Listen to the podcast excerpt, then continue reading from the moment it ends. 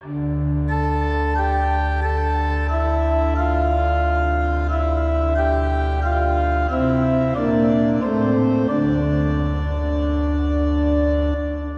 välkommen till podden eh, Daniel.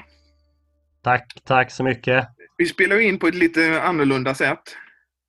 Men ja, vi här sitter att... vi bakom varsin dator. Ja, eh, det, det är lite annorlunda men det, det ska väl gå bra va? Det tror jag. Vi tänkte eh, att vi skulle prata lite om grekiska idag. Stämmer. Ja. Och eh, vikten för en teolog att kunna grekiska. Mm, eh, väldigt viktigt. Eh, nästan avgörande tycker jag. Ja, du tycker det. Jag vet det. Och, och mm, nej, efter, efter mina egna grekiska studier så har det faktiskt varit väldigt, väldigt, väldigt nyttigt. Och, eh, Eh, man har kunnat vidga sina nyanser på ett sätt som jag inte trodde var möjligt.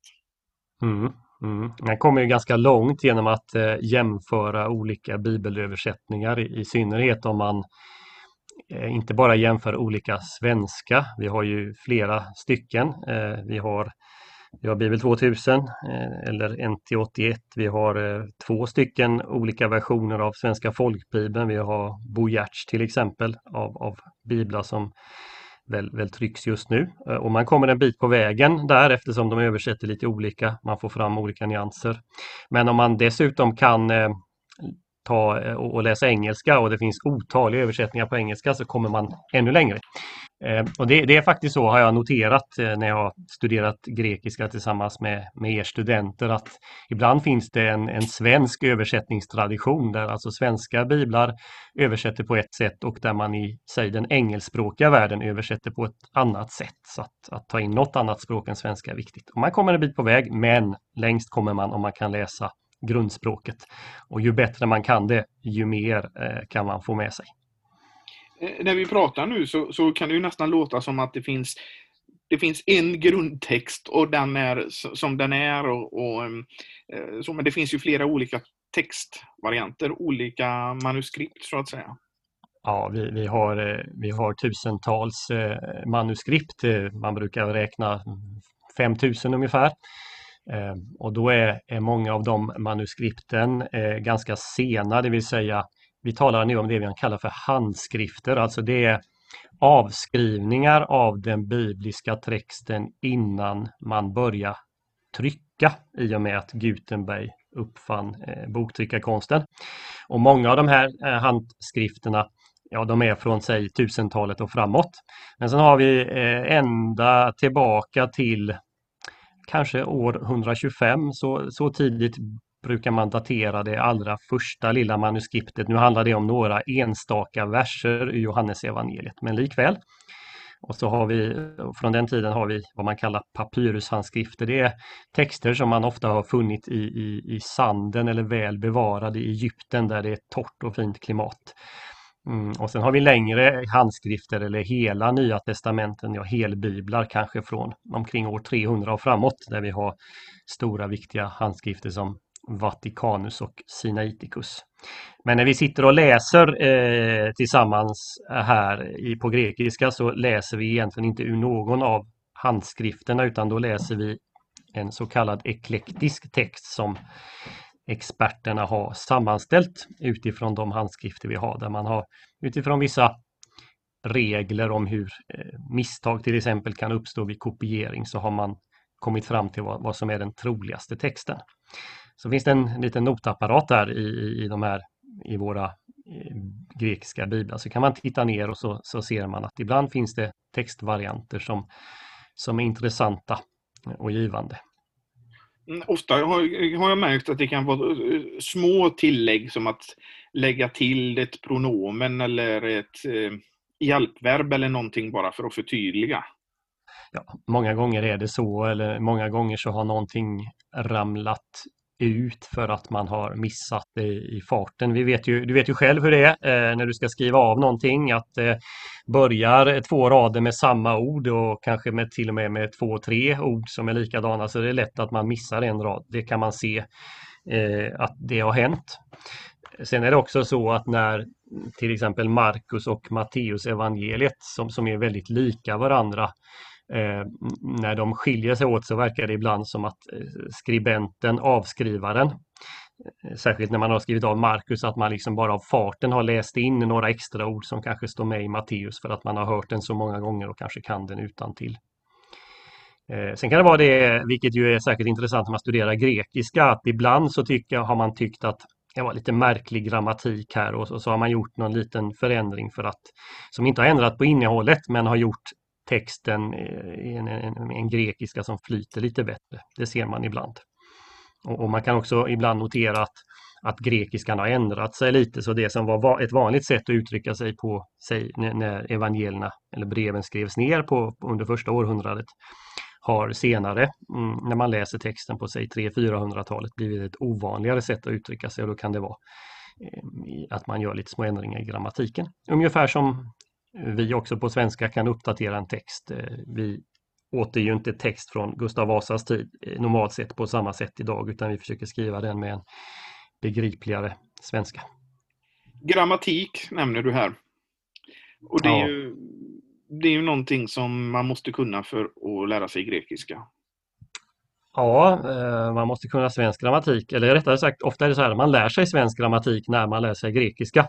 Det är min erfarenhet att många studenter eh, har ganska så eh, dåligt eh, på fötterna, dålig kunskap i vår svenska grammatik. Jag hade det själv innan jag började läsa grekiska, men när jag läser grekiska så, så kan jag den svenska grammatiken bättre.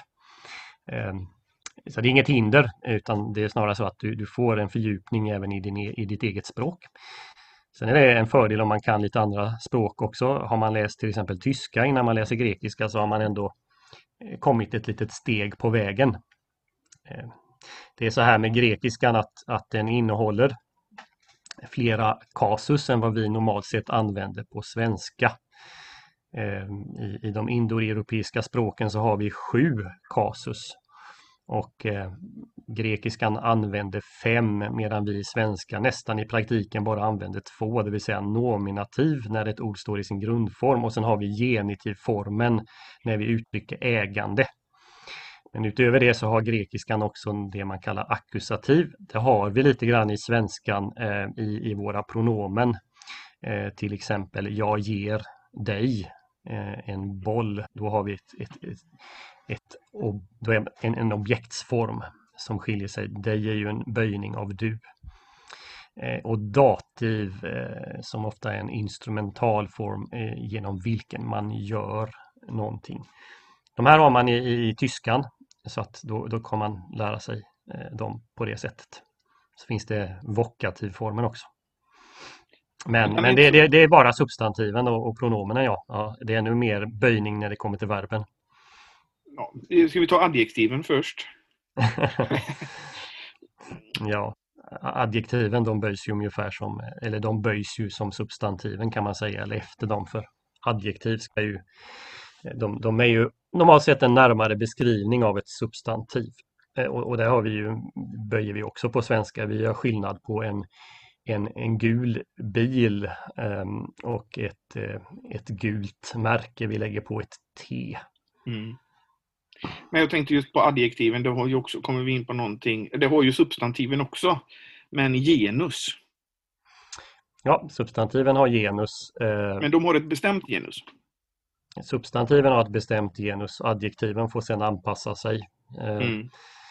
Eh, och då har vi tre genus i grekiskan. Vi har maskulinum, femininum och neutrum, vilket för de som har läst tyska är detsamma. Där har vi också maskulinum, femininum och, och neutrum. I svenska är ju praktiken så att vi delar ju alla våra substantiv i n-ord och t-ord. Sen är det egentligen så att i, i, i, teorin har vi fler genus på svenska, men, men det, det, är inget som man normalt sett tänker så mycket på. Men då är det ju så att när man läser grekiska så får man ju lära sig då att vissa ord eh, har eh, neutrum och vissa har eh, femininum och vissa har maskulinum och det får man helt enkelt lära sig. Ja, det får man lära sig. Det tillhör gloskunskapen att, att lära sig vilket eh, genus ett ord har.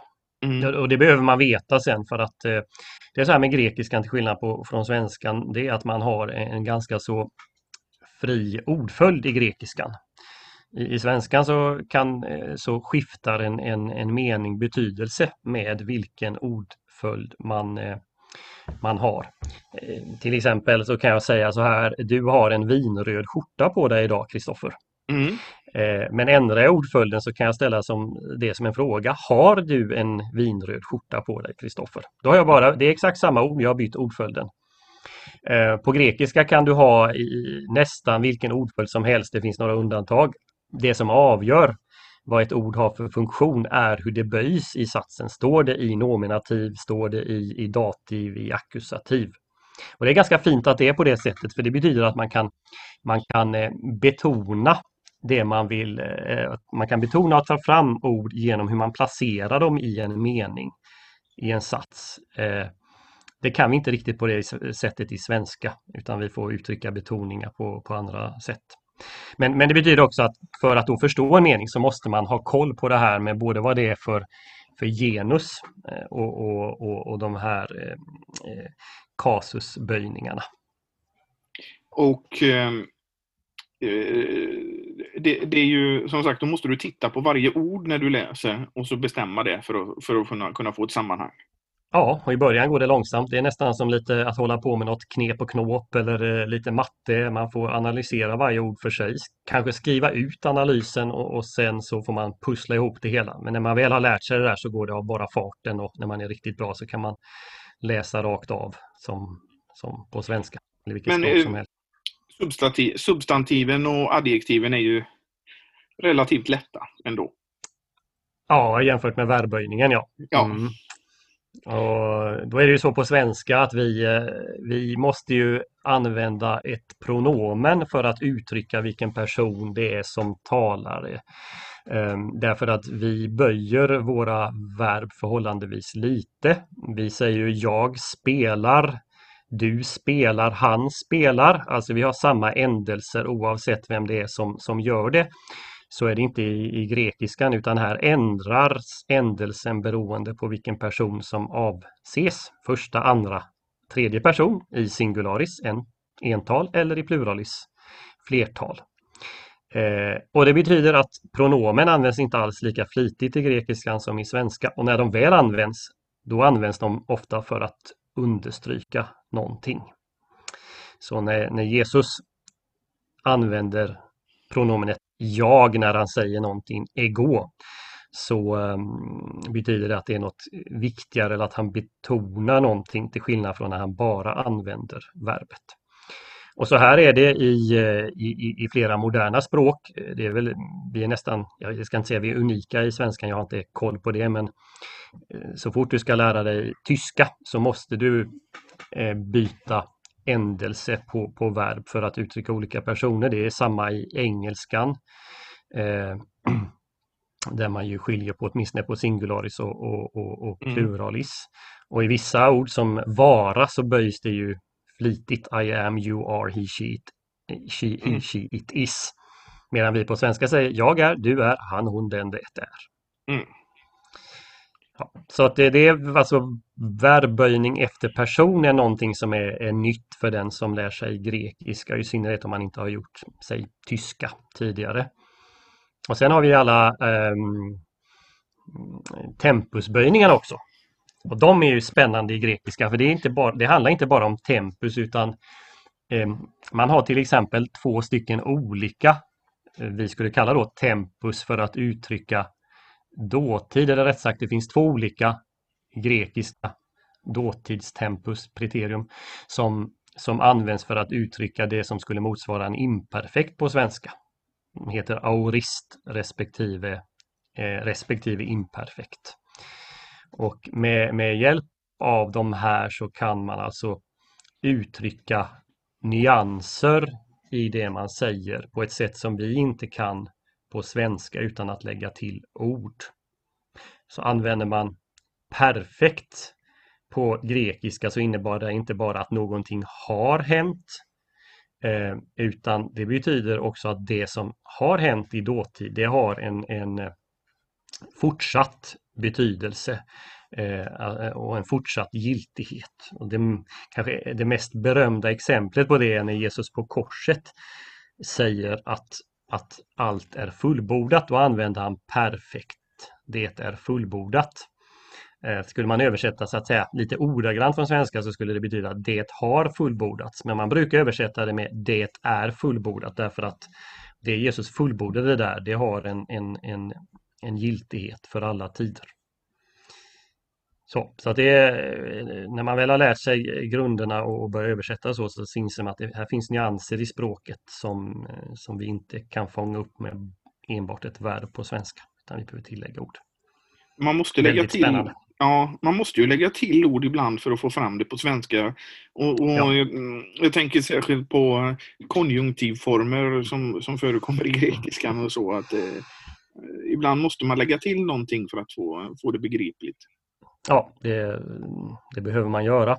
Och ibland är det inte helt klart eh, exakt vilken nyans som ska tas fram och det är därför översättningar kan se eh, lite olika ut för man har gjort olika bedömning om vad, vad, vad texten betyder.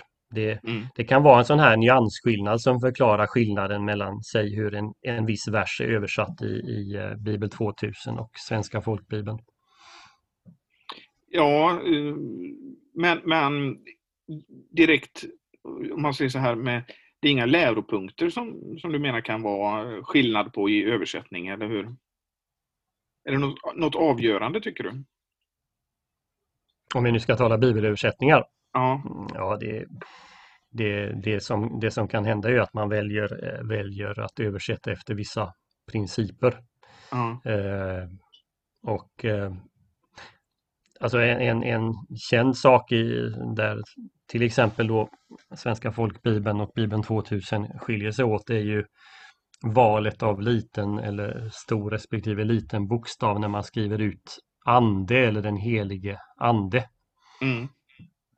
Eh, och, och, och, då är det ju på grekiska så att det grekiska ordet pneuma det står alltid med, med små bokstäver därför att man eller därför att man alltid skriver med små bokstäver. Man skriver inte stor bokstav i, i våra handskrifter eh, vid personnamn till exempel. Utan, eh, Men det kan vi det, Jesus står också med liten bokstav. Då står Jesus också med liten bokstav. Ja. Mm, och, och, alla andra. Så att där mm. måste man göra ett val. Och ska vi vara riktigt ärliga här nu så ska vi se de våra tidigare, tidigaste manuskript så är egentligen allting skrivet med stora bokstäver.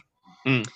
Eh, eh, så att där, där är det ju, ehm, där får man ju så att säga se på Nya Testamentet som helhet. Eh, är anden en person eller bara en kraft? Och är det en person så brukar vi normalt sett uttrycka det med stor bokstav på svenska. Mm. men sen finns det ju någonting som är jag tycker vi ska prata lite om som, som är väldigt framträdande när man läser grekiska och det är particip. Mm. att, eh, när du undervisat i grekiska så har du sagt att eh, när du undervisar annars så är rätt svår Jesus, men i grekiska så är det particip. Eller genitivus absolutus. Eller det, ja. ja. Participen eh, är ju är mycket vanliga i, eh, i grekiska, mycket vanligare än i, i svenskan. Eh, och, och participen eh, kan användas både för att uttrycka det vi uttrycker med, med verb. Och participet är egentligen är ju en verbform, men participen kan också vara substantiverade. Så particip kan användas istället för substantiv. Så om, om vi vill tala om den troende eh, så uttrycker vi det med ett particip på, på grekiska. Det gör vi förresten på svenska också i det fallet när vi säger den troende. Eh, jag kan inte komma på något bra exempel på det just nu. Men, men eh, particip är vanliga. Particip används i, i det man kallar för satsförkortningar. Man kan hjälp, med hjälp av ett particip och ett substantiv, två stycken ord, eh, uttrycka en hel sats på grekiska. Så vi, vi måste lägga till en massa ord på svenska när vi översätter det. Men eh, sen är det ju vissa, om man tar Johannes evangeliet, inte så mycket particip. Nej, Men eh, eh, om du går från Johannes och läser Matteus till exempel. Då har du mer particip. Ja. Och, och, och de flesta, eller författarna i, i Nya Testamentet har, eh, har olika språk.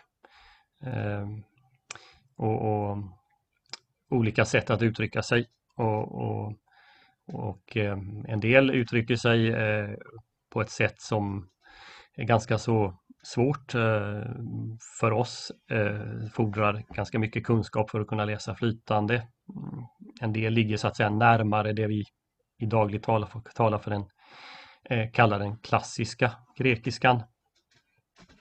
Och, och, andra, Johannes är, är väl den som är lättast att läsa när man kommer direkt från, från svenskan därför att många gånger är ordföljden densamma som, som i svenska och eh, satserna är inte så komplicerade. Medan att läsa Hebreerbrevet eh, är lite svårare och läsa Lukas i, i, i vissa passager är, är, också betydligt svårare än Johannes.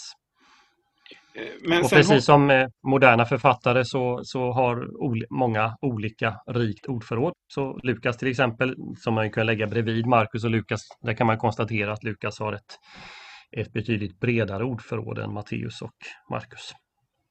Men, men eh, sen, sen, har vi i svenskan har vi ju aktiva och passiva verb. Men i grekiskan ja. finns det någonting mer. Ja, vi, vi brukar tala om aktiva, passiva och medium. Eh, medium är en, en, en, form som är lite svårare att, att få grepp om. Eh, nu är det så här att en, en, en hel del verb har egentligen sin, sin enda verbform i medium och eh, de fungerar som vanliga aktiva verb. Eh, de har ett särskilt namn, deponens. Men ett, ett sådant vanligt ord som att komma eller gå, som på grekiska, grekiska heter erchomai, det står alltså alltid i medium som är den här tredje formen som vi inte har i svenska. Sen kan medium användas för att uttrycka att man är särskilt engagerad i det man gör Eh, det kan också användas för att man gör någonting med avseende på sig själv. Så tar vi verbet tvätta till exempel så kan man ju aktivt tvätta något. Man kan passivt bli tvättad, tvättas. Men man kan också i medium tvätta sig. Ja, och, och, när man ska översätta rakt av de här mediumorden, det, och, och, det, det, var, det var en, en, svårighet tyckte jag när det kom till grekiska, speciellt aurist, som en, en verbform vi inte har i svenskan. Ja, auristen är, är, är liksom något man inte är bekant med sedan tidigare och, och medium då också och då, då blir det lite utmaningar. Som, som alltid med sånt som man är obekant med. Så det, så det var ju, jag kommer ihåg översättningen, ja, man får göra det för sig själv, fick man lägga till för att få en översättning på ett ord, kommer jag ihåg. Just det, när vi, när vi lärde oss eh, mediumformen alldeles i, i början. Ja. ja. Mm. Eh, men vi har varit inne lite på det här med eh, hur eh, de olika författarna använder sig av grekiska. Du säger, Johannes är det absolut lättaste, säger du. Ja. Det, det får jag nog säga. Alltså, och, och, det som gör Johannes, jag, jag tror att det, det, är två saker som gör att Johannes är, är, är lättast för oss skulle jag säga som har svenska som modersmål. Det är inte säkert att det är lättast för, för alla språk. Det beror på vilket språk man kommer ifrån. Jag kan tänka mig att sådana som har ett mer, en mer komplicerad grammatik eh, till exempel i den moderna lettiskan och litauiskan som är de två indoeuropeiska språk som ligger närmast grekiskan och latinet. För dem kanske det är lättare att, att förstå och översätta sig Matteus som, som, som då är lite mer um, sofistikerad och lite längre ifrån det vi är vana från svenska. Men Johannes kanske är, är då lättast för oss. Och det är oftast Johannes man brukar börja läsa när man har lärt sig grunderna. Och, och en sak som gör det lättare är ordföljden som ligger närmare vår svenska ordföljd. Det många gånger kan man översätta Johannes rakt av ord för ord. Eller hur Kristoffer? Det vet du själv av egen ja, erfarenhet. Jag vet. Vi, vi, har läst lite här nyligen. Uh, och, och den andra saken är att Johannes har ett ganska begränsat ordförråd. Och det är naturligtvis också eh, lättare att, att eh, läsa om man inte behöver slå upp varannat ord. Um, och, och, det är lite märkligt. Johannes är ju på sätt och vis, Johannes evangeliet inte minst, på sätt och vis bland det djupaste man kan läsa i Nya Testamentet. Men språkligt så är det då samtidigt bland det enklaste. Men, men, men det är också lite motsägelsefullt för ibland är det så, eller Johannes han har en förkärlek för att använda två ord om samma sak. Han, han använder eh, eh gärna eh, eh, han, han, använder inte alltid samma ord hela tiden utan han kan växla mellan två synonymer. Och jag tror det även om det är lite olika uppfattning men när Jesus möter Petrus vid kolelden därefter uppståndelsen där uppe i Galileen igen så ställer ju Jesus frågan till Petrus om han älskar honom och då används verbet agapao. Eh, och Petrus han svarar att han Fileo. Fileo, som då till exempel i, i, jag tror det är folkbibeln, minns inte hur det är i Bibel 2000, men översätter med har honom kär. Och en del Jesus vill göra... frågar också helt enkelt alltså, Petrus, älskar du mig? Och eh, Petrus svarar, du vet att jag håller dig kär. Och då är det agapao i första och så är det fileo i andra. Ja, det stämmer. Mm. Och så ställer Jesus sin andra fråga och använder agapao igen och Petrus svarar med fileo. Och så kommer tredje frågan, då använder Jesus fileo också och Petrus svarar med fileo. Och, och, då finns det en del som gör en ganska stor poäng av att, att man använder två olika verb och att, att sen Jesus använder sig av fileo. Jag är inte helt säker på att det är på det sättet utan jag, jag tror att här i kan det lika gärna vara så att det här är Johannes förkärlek för att använda synonymer som kommer till uttryck. Därför att om man går tillbaks tidigare i evangeliet så kan man konstatera att, att Johannes växlar mellan agapao och fileo när han egentligen beskriver samma sak. Mm. Som jag, om jag minns rätt här nu eh, rakt av, jag har det inte framför mig, så, så tror jag att när han talar om lärjungen som Jesus älskade så används eh, både agapao och fileo för att uttrycka det. Jag, jag tror att jag har ett, eh, ett minne av, av det. Ja. Att, mm, Mm, att han använde bägge uttrycken. Ja, Sen finns det mindre, det här kanske är lite kontroversiellt för här finns det bestämda uppfattningar om vad det är som för där i, i, eh, vid, vid sjön uppe i Galileen men det finns andra exempel på hur han använder eh, samma verb, eller olika verb om samma sak. Sen, vilket är ännu eh, eh, eh intressant, det är att han med, med hjälp av samma ord Ta till exempel ordet kosmos som ju betyder värld eh, det kan han å andra sidan fylla med, med ganska olika innehåll.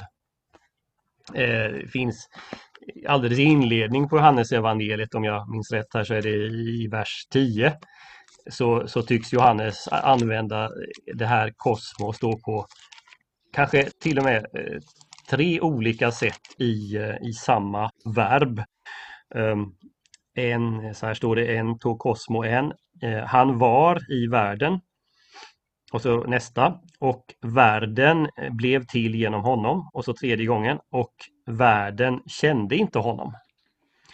Alltså det första världen det eh, tog det ju avse var Jesus så att säga befinner sig bland människorna. Att världen blivit till genom honom tog det ju avse hela kosmos som vi, vi använder för alltså själva ordet kosmos då, hela tillvaron. För han har skapat allt har vi lärt oss i inledningen på evangeliet, några verser tidigare. Men den värld som inte känner honom är ju, det är ju den fientliga världen, den världen som har vänt sig bort mot Gud. Ehm, så samma begrepp men, men tre olika nyanser. Sen har vi ju Johannes egen eh, kärlek för det här ordet ekeinos är någonting ja. som, eh, som för nybörjarna är lite konstigt.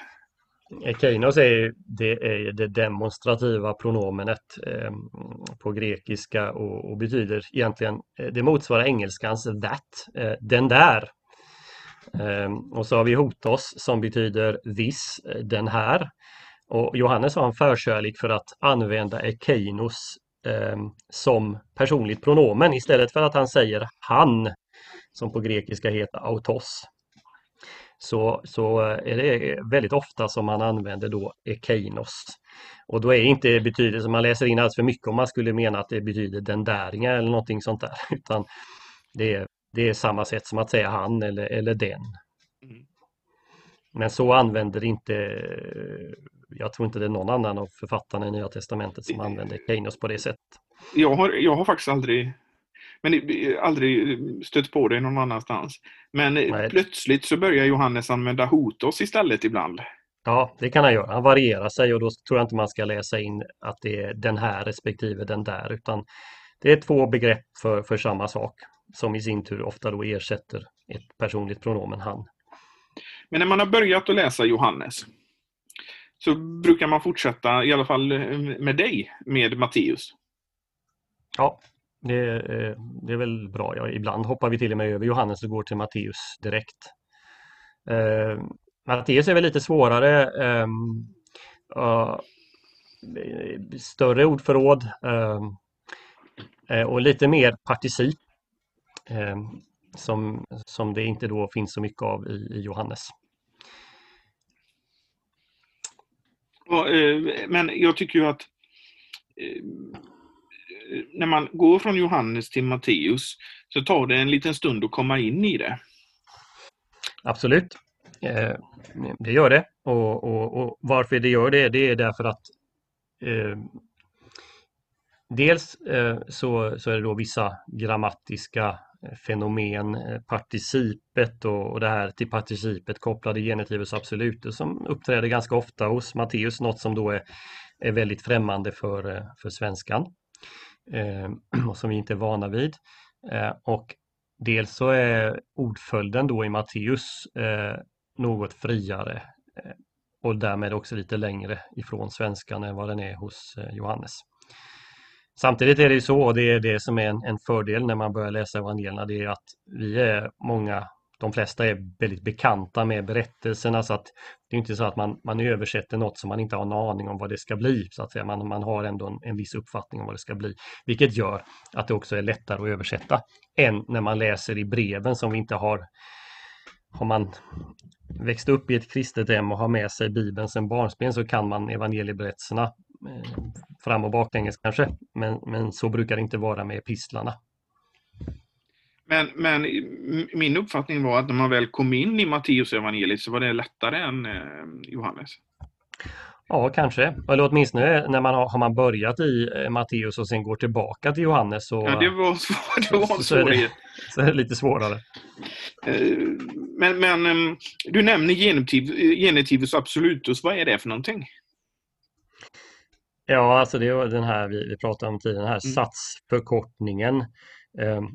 Som då består av ett particip som är böjt i genitiv och ett pronomen eller substantiv som också står i genitiv. Och beroende på vilken typ av particip det är, om det är ett auristparticip eller ett presensparticip, så får man översätta lite olika. Är det ett presensparticip så uttrycker den här satsen något som pågår samtidigt med huvudverbet. Sägs så här i översättning medan Jesus kommer gående. Det skulle man kunna uttrycka med ett, genit ett genitivus absolutus. Medan Jesus kommer gående ser han Petrus. Där har vi huvudverbet han ser Petrus. Har man däremot ett auris particip, då är det, uttrycker det normalt sett någonting som sker före huvudverbet. Så efter att Petrus tagit upp båten från vattnet sätter han sig vid Jesu fötter. Det där efter ja, att efter Petrus att. tagit upp båten, det hade man kunnat uttrycka med en genitivus absolutus där participet står i aorist. Och eh, som du säger så att när man går från eh, Matteus och har läst det och går tillbaka till Johannes, då är inte Johannes lika lätt längre. Ja, för när man väl har lärt sig det där med participen och satsförkortningen genitivus absolut så, där, så är det ganska så behagligt sätt att läsa grekiska att man med två ord kan säga något som på svenska behövs kanske fyra, fem, sex ord. Eh, medan Johannes då får man traggla på med fem, sex ord. Sen händer det väl att Johannes också använder, han använder particip ibland. Men eh, jag kommer ihåg sen när man skulle börja läsa Romarbrevet då tyckte jag, var jag ganska bekväm med de här participen i Matteus. Men Paulus sätt med particip att uttrycka sig, det var mycket svårare än Matteus. Tycker jag. Ja, det, det, man kan säga så här att det att, att Matteus evangeliet och alla evangelierna är så att säga löpande prosatext. Det i sig gör att det är ju lite lättare att, att översätta. Medan eh, Paulus i sina brev, han, det, det är ju mer abstrakta formuleringar så, så, bara det gör ju att det är lite svårare och kan också i sig innebära att det är fler svåra begrepp att lära sig. Sen är kanske participen inte alltid det svåraste med Paulus utan det svåra med Paulus är att han har en stark tendens att stapla genitiver på varandra. Mm. Och, och genitiver kan ha så många olika funktioner på grekiskan så att det, det fordras lite tankarbete och man måste läsa en, en, en, en sats i sitt sammanhang för att förstå vilken funktion av genitiven är det som Paulus här använder. Vi, när vi tänker genitiv så tänker vi nästan alltid possessiv genitiv, det vill säga ägandets genitiv, Kristoffers mm. glasögon. Mm. Eh, men, men i, i grekiskan så kan genitiven ha väldigt många olika funktioner. Eh, man kan, man kan, det finns något som heter objektiv genitiv, vilket ställer till det. Ehm, man har subjektiv och objektiv genitiv. Ehm, jag kan illustrera det med, med eh, uttrycket Guds kärlek. När, när det står Guds kärlek på grekiska, vilket vi faktiskt kan översätta till engelska med Love of God, the love of God, så kan det uttrycka två olika saker. Hör vi Guds kärlek så, så tänker vi att det måste betyda den kärlek som Gud har till någon, till oss, Guds mm. kärlek. Men på engelska så kan ju Love of God betyda både den kärlek Gud har till oss och den som vi har till Gud. Mm. Och så är det med grekiskan. Eh, när, när vi har då de, den konstruktion som motsvarar Guds kärlek på grekiska så kan det avse både Guds kärlek till oss och vår kärlek till Gud. Och det senare, när just uttrycket Guds kärlek eh, ska uttrycka vår kärlek till Gud, hoppas du hänger med, mm. eh, då, då är det en så kallad objektiv genitiv. När det är Guds kärlek till oss, då blir det en subjektiv genitiv. När det är vår kärlek till Gud är det en objektiv genitiv.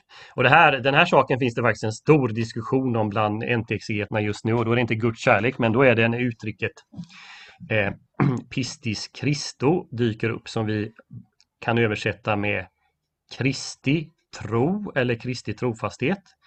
Och då översätter vi det som en subjektiv genitiv eller så kan vi översätta det med eh, tron på Kristus. Då är det översatt som en objektiv genitiv och det är den traditionella vanliga översättningen när man stöter på det här pistis Christo, tron på Kristus. Men på senare år, de senaste 40-50 åren, så har det varit en hel del exegeter som argumenterat för att nah, det här är nog snarare Kristi trofasthet till oss som Paulus vill uttrycka med, med eh, det här pistis Christo. Men det är samma konstruktion? Men konstruktionen är exakt densamma på grekiska. Detta är bara som illustration på hur, vad genitiven kan uttrycka, eller det kan uttrycka många olika, olika saker. Mm. Och, då måste man ta ställ, känna till dem och man måste ta ställning till vad, vad är det här. Och det, det, då förstår man också varför man kan översätta eh, ganska olika eller åtminstone ja, komma fram till lite olika översättningar. Men det kan ju också vara så att eh, verbformer eh, sammanfaller med varandra. Alltså böjningsformerna sammanfaller så du får av sammanhanget avgöra. Eh, det, det stämmer. Det händer att verbformer också gör det. Ofta löser det sig självt i, i, i sammanhanget. Men ibland finns det eh, ställen där man inte, inte ens kanske med säkerhet kan veta om det är det ena eller det andra för i, i sammanhanget är, är båda möjliga. Bara som ett exempel på det mm, är imperfekten i första person, jag och i singularis och i, i tredje person pluralis. Eh, det vill säga de, den sammanfaller. Och ibland kan man undra är det, är det jag som gör någonting eller är det de som gör någonting? De flesta gånger är det helt glasklart, men det, det finns exempel på det. Mm. Eh, och vi pratar om eh, Romarbrevet, bland annat som mitt minne är att ibland får du börja i slutet av meningen och översätta. Alltså du måste gå på sista ordet för att få första. Ja, eh, det kan hända. Eh, och det har ju med den fria ordföljden att göra. Och, eh, det kan staplas eh, satser på varandra på ett sätt som vi inte riktigt gör på svenska så man får börja en annan ände. Och ibland kan det staplas genitiver på varandra och då, då brukar jag säga till studenterna att man ska man kan börja med att översätta det som en lång positiv genitiv och då måste man alltid börja bakifrån i den genitiven och försöka bena ut vad, vad varje del betyder. Och rent konkret innebär det här att många gånger när det står en genitiv, eh, särskilt i de här långa uppräkningarna hos Paulus, så måste vi lösa det hela genom att använda olika prepositionsuttryck. Vi måste alltså stoppa in prepositioner på svenska för eh, de här substantiven som Paulus har kopplat ihop. Sen finns det ju saker som mm, översättningarna eh, nästan systematiskt inte, alltså man, eh, en stor ögonöppnare för mig, det var när vi läste Markus en gång och, och vi läste Markus, ska vi slå upp eh, Markus 3.14 och det kan ju våra lyssnare också göra då som har eh, Novum hemma.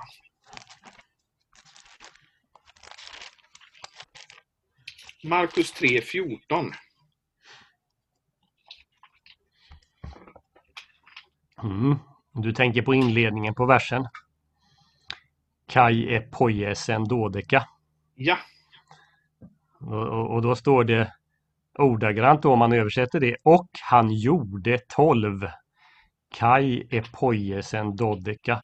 Och så står det ju inte förmodligen i någon översättning utan det står det, vad brukar det stå Kristoffer? Han utsåg.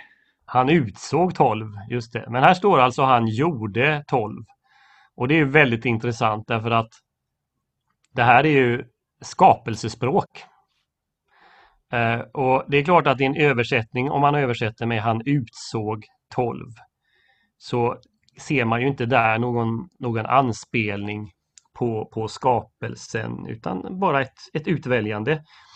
Men det här kan ju anspela eh, tillbaka på skapelsen om, om, hur Gud gör, gör människan men också hur, hur Gud eh, genom Abraham och Isak och Jakob alltså gör skapar de tolv stammarna.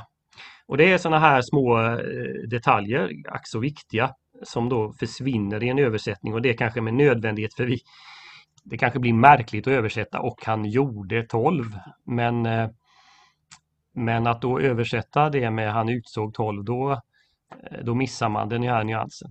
Och det, är väl, det här skulle jag säga att just sådana här saker är kanske den främsta anledningen till att man ska lära läsa grekiska. För det är när, när författarna eh, utnyttjar eh, saker i språket, kan vi säga, när de leker med ord.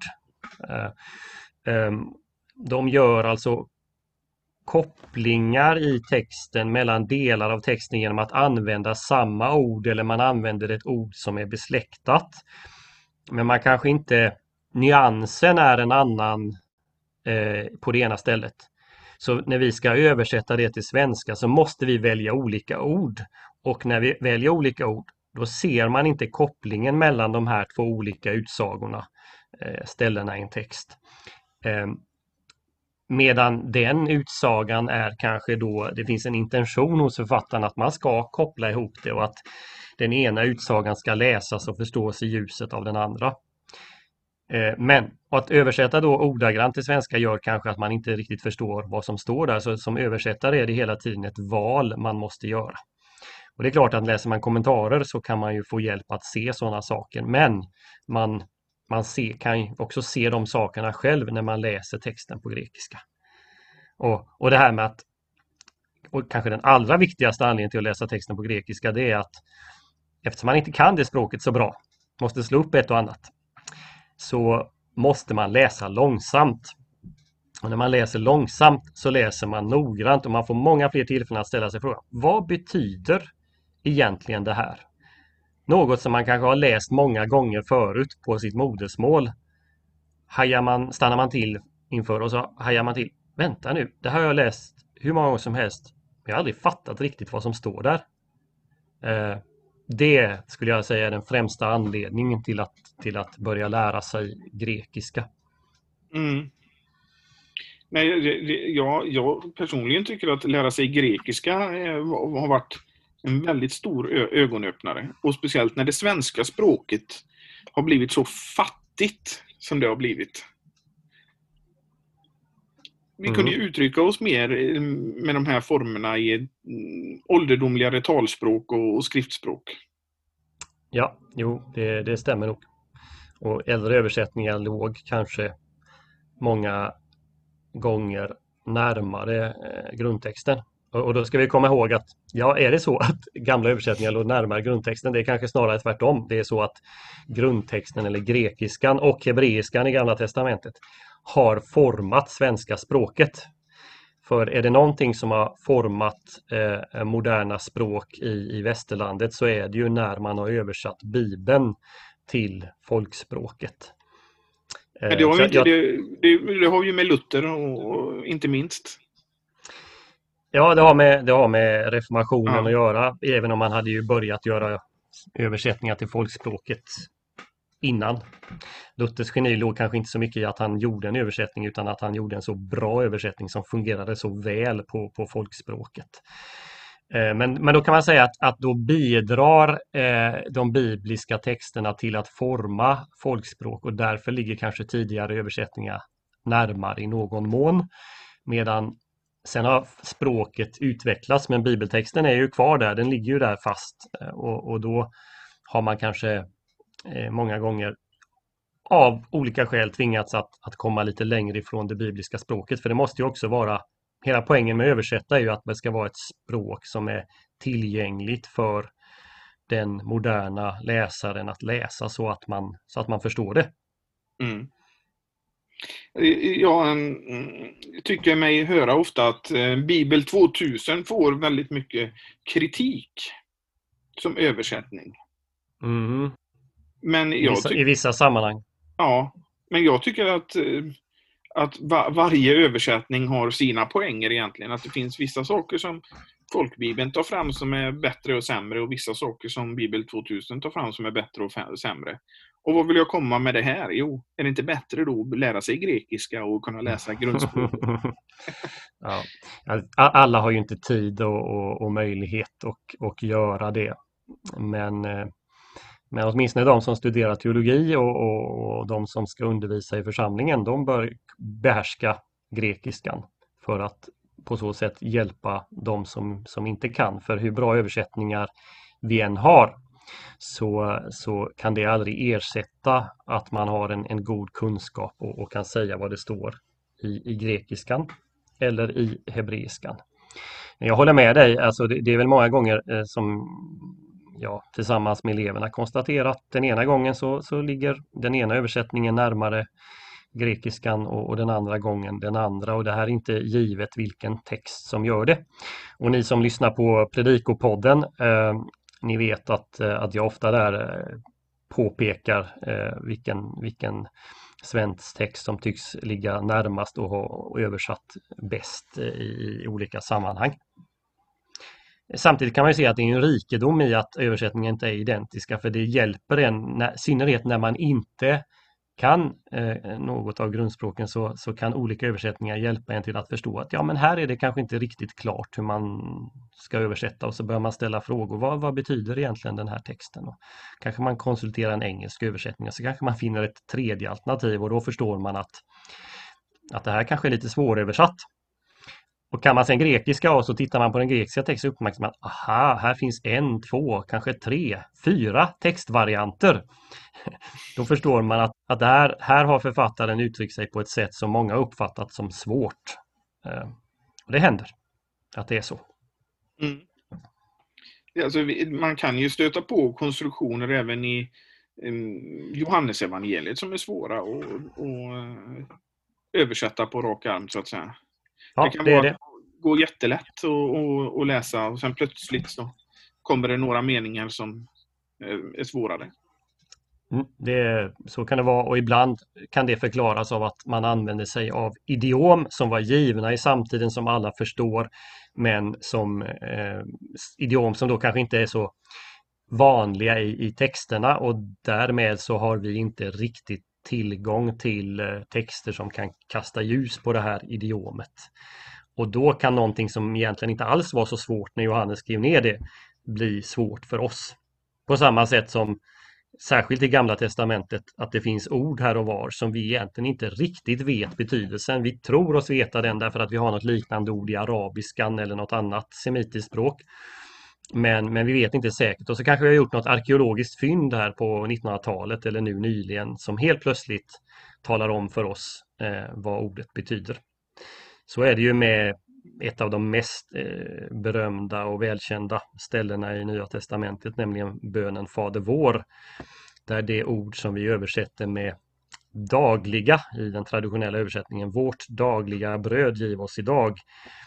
Det particip som står där, epioson, eh, det vet vi egentligen inte exakt vad det betyder därför att det finns inget exempel i någon grekisk text som vi känner till där det ordet förekommer före att det har skrivits ner i Matteus evangeliet. Så att här finns det olika uppfattningar om hur man ska analysera det ordet och, och det leder i sin tur till att man kan översätta det lite olika. Handlar det om vårt dagliga bröd eller handlar det om brödet för dagen som kommer? Att något, något eskatologiskt bröd eller handlar det om ytterligare något bröd? Um, när vi är inne, är inne, på Fader vår så är det ett annat ord vi har um, diskuterat och det är det grekiska ordet ofeilämata. Mm, jaha, vad tänker du då på? Våra skulder? Uh, är, det inte, är det inte det? Ska vi se. Nej, Tänker du på, på apotoponero? Ja, det tänker jag. Det är precis. Nej, frestelse. Ah, Peirasmon ja, det är det, ja. i den näst sista frasen. Med eisen enkes eis peirasmon inled oss ja, inte ja. för oss inte in i, i frestelse. Ja. ja. Och då har du sagt att um, när vi diskuterar det någon gång, vad vi, vad vi ska översätta det med, så här, nej, det är bättre att vi gör det på grekiska. Ja, ja men vissa, vissa sådana ord kanske tvingar oss till ett val som eh, och inte bara ord utan konstruktioner där man måste välja någonting fast båda nyanserna kanske finns med. Vet jag inte om det, detta är det bästa exemplet men, men, men eh, Perasman kan betyda frestelse, det kan betyda prövning. Och sen blir frågan, vad är, vad är skillnaden på svenska? Det får man också fundera på. Mm. Eh, men eh, ja, det behöver man då ta, ta ställning till. Men vi, ett, ännu ett, ett val som man måste göra är då i nästa sats. Alltså, eh, Alla ryssar ju massa på på Tonero. Just det, frälsa oss ifrån. Och då är frågan, ska vi bli frälsta ifrån det onda eller den onde? Eh, och grekiskan här då, då står alltså apo, det är en preposition som böjer, som tar kasus genitiv, to ponero. Och, och poneros, det är egentligen ett adjektiv som här är substantiverat. Problemet är att det här står då i genitiv singularis. Och då är det så här att formen eller genus maskulinum och genus neutrum sammanfaller i just genitivus singularis. Så vi kan inte veta säkert om det är maskulinum och därmed skulle betyda den onde. Eller om det är neutrum och ska betyda det onda. Båda sakerna är möjliga och det är kanske medvetet så att båda sakerna ska vara där. Mm. Eh, eh, men i en modern översättning så måste man ju välja mellan fräls oss från den onde eller fräls oss ifrån det onda, för det är det vi uttrycker och hitta något mellanting där. Det går ju inte riktigt vad jag vet på svenska. Nej. Vad säger man på engelska? Uh, deliver us from evil. Ja, det är så. Och, och det, det, är väl neutrum tror jag. Jag tror ja. det i alla fall. Så får någon rätta mig om jag har fel. Om vi fortsätter så har vi ju ordet eh, basileia. Mm. Sen, och vi pratade just om det här med, eh, med neutrum och femininum och maskulinum och Basileia som är eh, kungadöme, eller vad ska man säga? Ja, det är kungadöme, kungarike, rike. Ja. Men, men det, Basilevs är ju alltså ordet för kung på grekiska. Men det var det jag ville komma till. Basilevs, det är i eh, är mas maskulinum. maskulinum. Ja, Basileia, då är det i femininum. I femininum och Basileia är, uttrycker ju då det område eller det som Basilevsen är satt över. Ja. Och så är det på grekiska, liksom det är på svenska, att man, man kan då lägga till olika ändelser till ord och så, så skapar man nya ord men som, som är besläktade med varandra. Man kan göra ett verb av det där basilevo som betyder att man regerar eller att man är kung över. Men det, det finns också en diskussion här, ska man översätta basileia som bara rike? Eller ska man översätta det som kungarike? Och då vill en del att man ska översätta det som, som just kungarike för att det uttrycker något messianskt, det som, som Jesus är, Jesus som Messias är, är kung över hans rike. Mm. Och när jag tänkte på det vi har, eh, när du säger regerar, så har vi ju också ett ord som heter arché. Mm, det kan det. vara regera och början. Ja, eh, samma ord. Eh, samma ord. visserligen, ja, man kan, ha, man kan välja att alltså antingen står det med den, den aktiva ändelsen archo eller med mediumändelsen archomai. Eh, men, men själva ordet arché motsvarande substantiv då har vi ju i, i det som många studenter lär sig utan till. En arché, en hologos, början på Johannes evangeliet i begynnelsen var ordet. En arché, det första ordet också i gamla testamentet, i begynnelsen skapade Gud himmel och jord. Eh, så arché kan betyda begynnelse, men arché kan också eh, betyda alltså ja, i princip regering då, att styra, att leda, att, att vara den som, den som styr. Styresman. Vi, vi, kan ju nämna eh, snabbt, och det, det, är ju någonting som man kommer in på när man läser grekiska och som nämns, och det är ju Septuaginta. Ja, Septuaginta eh, som då är ett latinskt ord som betyder 70. Eh, det är alltså den gängse beteckningen på på den grekiska översättningen av, eh, av Gamla testamentet. Det kallar man för Septuaginta. Och anledningen till att den heter Septuaginta det är en, en, en tradition som är förknippad med översättningen av de fem Moseböckerna av Torah. Eh, då 70 eller 72 olika översättare skulle ha varit involverade och alla var och en översatte då Torah och enligt traditionen så skulle alla ha översatt precis likadant oberoende av varandra och det tar man då som en garant för att det här är en, en inspirerad översättning av, av den hebreiska texten. Och, och um, Septuaginta är äldre än eh, NT? Ja, eh, ja, det, det har de flesta forskare slagit fast. Att, att åtminstone åtminstone de äldsta delarna och det mesta är översatt innan något av Nya Testamentet har kommit till. Man, man räknar med att man började översätta eh, Gamla Testamentet eh, från hebreiska till, till grekiska. Eh, sannolikt någon gång på 200-talet, eh, eller hur man nu vänder på det, mm, från, från 300-talet före Kristus och neråt. Eh, och att man väl gjorde det förmodligen i Alexandria där man hade en stor judisk befolkning.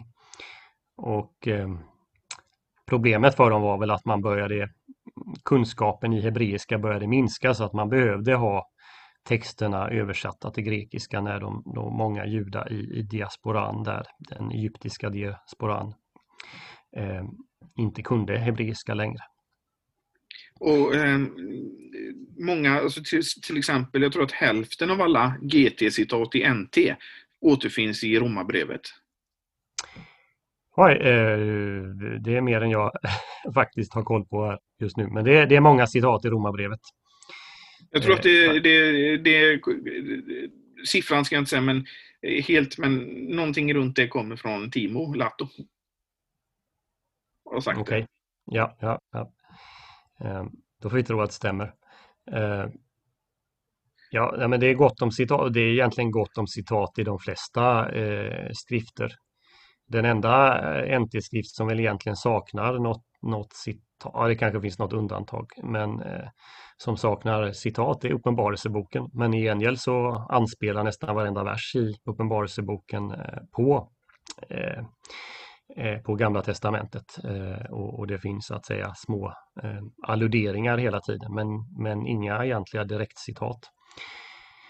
Eh, men ofta är de här citaten då eh, hämtade från Septuaginta Fast inte alltid. Ibland så tycks eh, författarna ha kanske gjort en egen översättning ur minnet av den hebreiska texten och, och, och, ibland så kanske det är någon annan, någon annan variant. Men ofta från, från Septuaginta. Och det är väl inte så konstigt. Jag tror att det är ungefär som att vi skulle, om man skulle åka över gränsen till Norge för att eh, predika eller undervisa så skulle man ta en norsk bibel och så skulle man väl använda de eh, norska bibelcitaten när man citerar bibeln. Och på samma sätt så använder Nya testamentets författare den gängse översättningen när man citerar ur bibeln. Mm. Även när de kunde hebreiska och även när ibland eh, det inte var en, en helt ordagrann översättning av den hebreiska texten.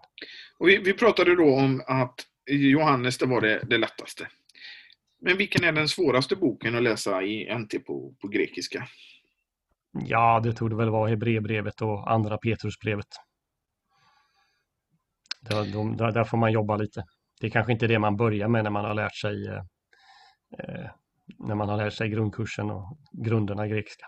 Man får upparbeta sin kunskap så sakteliga. Ja, nej, Hebreerbrevet kan jag säga själv att det är, det är annorlunda. Mm, för oss är det det. Ja. Förmodligen inte så mycket för, för den tidens eh, läsare. Eh, hur, ehm, för de som har läst grekiska, Daniel, hur ska man hålla sin grekiska vid liv? Ja, man, man måste läsa hela tiden. Lite grann. Eh, har man eh, väl gjort sin grundkurs så, så, rekommenderar jag en dos grekiska per dag. Eh, och med en dos menar jag en, en vers till att börja med. Och, och, när man känner att man får grepp om en vers så kanske man kan läsa två. Ja, eh, jag kan rekommendera om någon sitter och läser eh, långsamt på svenska så kan man sitta och följa med. I, eh, då blir det lite lättare att följa med. Så kan man göra kanske ett, ett stycke eller någonting sånt. Absolut, och, och, man kan ta med sig sin, sitt novum till, till kyrkan och, och försöka följa med där i, i textläsningarna. Även om man ändå inte lyckas förstå varenda ord eller konstruktion.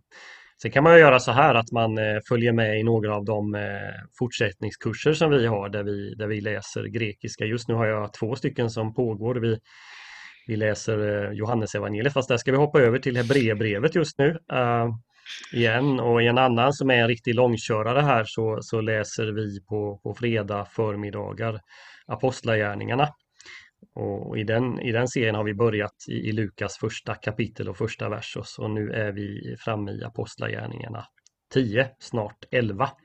Och målsättningen är att ta, sig, ta oss igenom hela Apostlagärningarna innan vi eh, går vidare till någon annan bok. Och då läser vi noggrant, försöker förstå grammatiken för det, det är en sak att kunna det grundläggande men sen så så eh, att sen bygga på sig erfarenhet och kunskap om syntaxen och vad alla undantagen innebär, det, det tar lång tid. Och det är sånt vi, vi jobbar med i, i den kursen.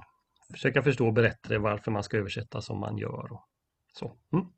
Och eh, vår rektor Torbjörn han vill att vi påminner om att det börjar en grundkurs i grekiska till, eh, till hösten. Ja, mm, det stämmer. Det, det är dags igen för eh, våra tvåor att läsa grekiska. Och eh, den här grundkursen kommer att pågå under hela höstterminen. Eh, och det är möjligt för den som, som inte går i några av våra program att anmäla sig och vara med i eh, den här kursen eh, och läsa den som enskild kurs. Och har man väl läst den så kan man sedan eh, fortsätta och läsa en eh, en fortsättningskurs där vi läser enklare texter ur Nya Testamentet under vårterminen. Mm. Och kan man reda grekiska eh, men behöver repetera upp den. Det kan ju vara så att man har läst grekiska för 20-25 år sedan och inte hållit igång den. Ja, då kanske man också ska anmäla sig och vara med och repetera upp den.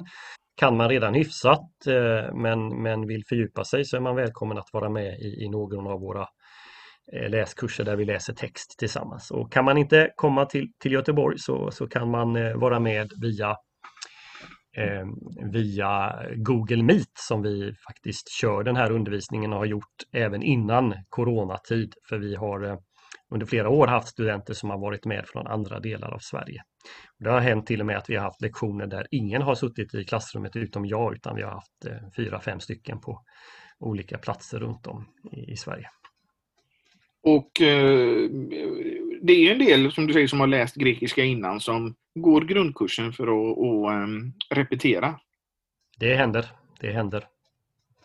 Så, det är för att eh, man har varit lite slarvig, man har varit lite slarvig med sin dagliga dos av grekiska efter att man, efter man har läst den. Ja, jo, det, det, det ska Men- man inte men- vara. um, Men jag tror att om man som... Slarvar man med det så är det svårt att komma igång igen tycker jag. Utan då måste man...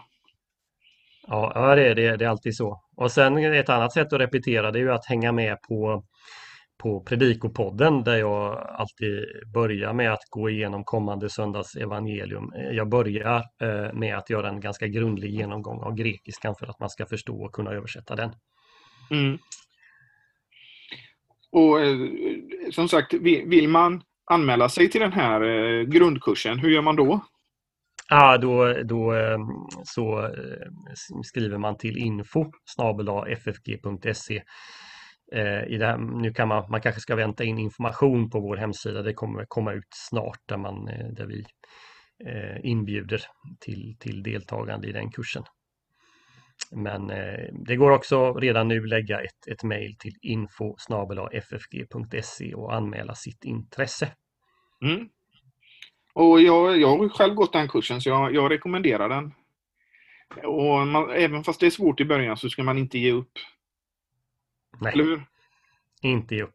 Lära sig bokstäverna ordentligt och, och så. Sen finns det massa knep som jag försöker lära ut som gör att det underlättar eh, när man lär sig dem. Jag måste erkänna att jag tror inte att jag är så bra på böjningsmönstren och bara sitta och skriva ut dem längre. Men när jag ser dem framför mig så är det ju mycket lättare att...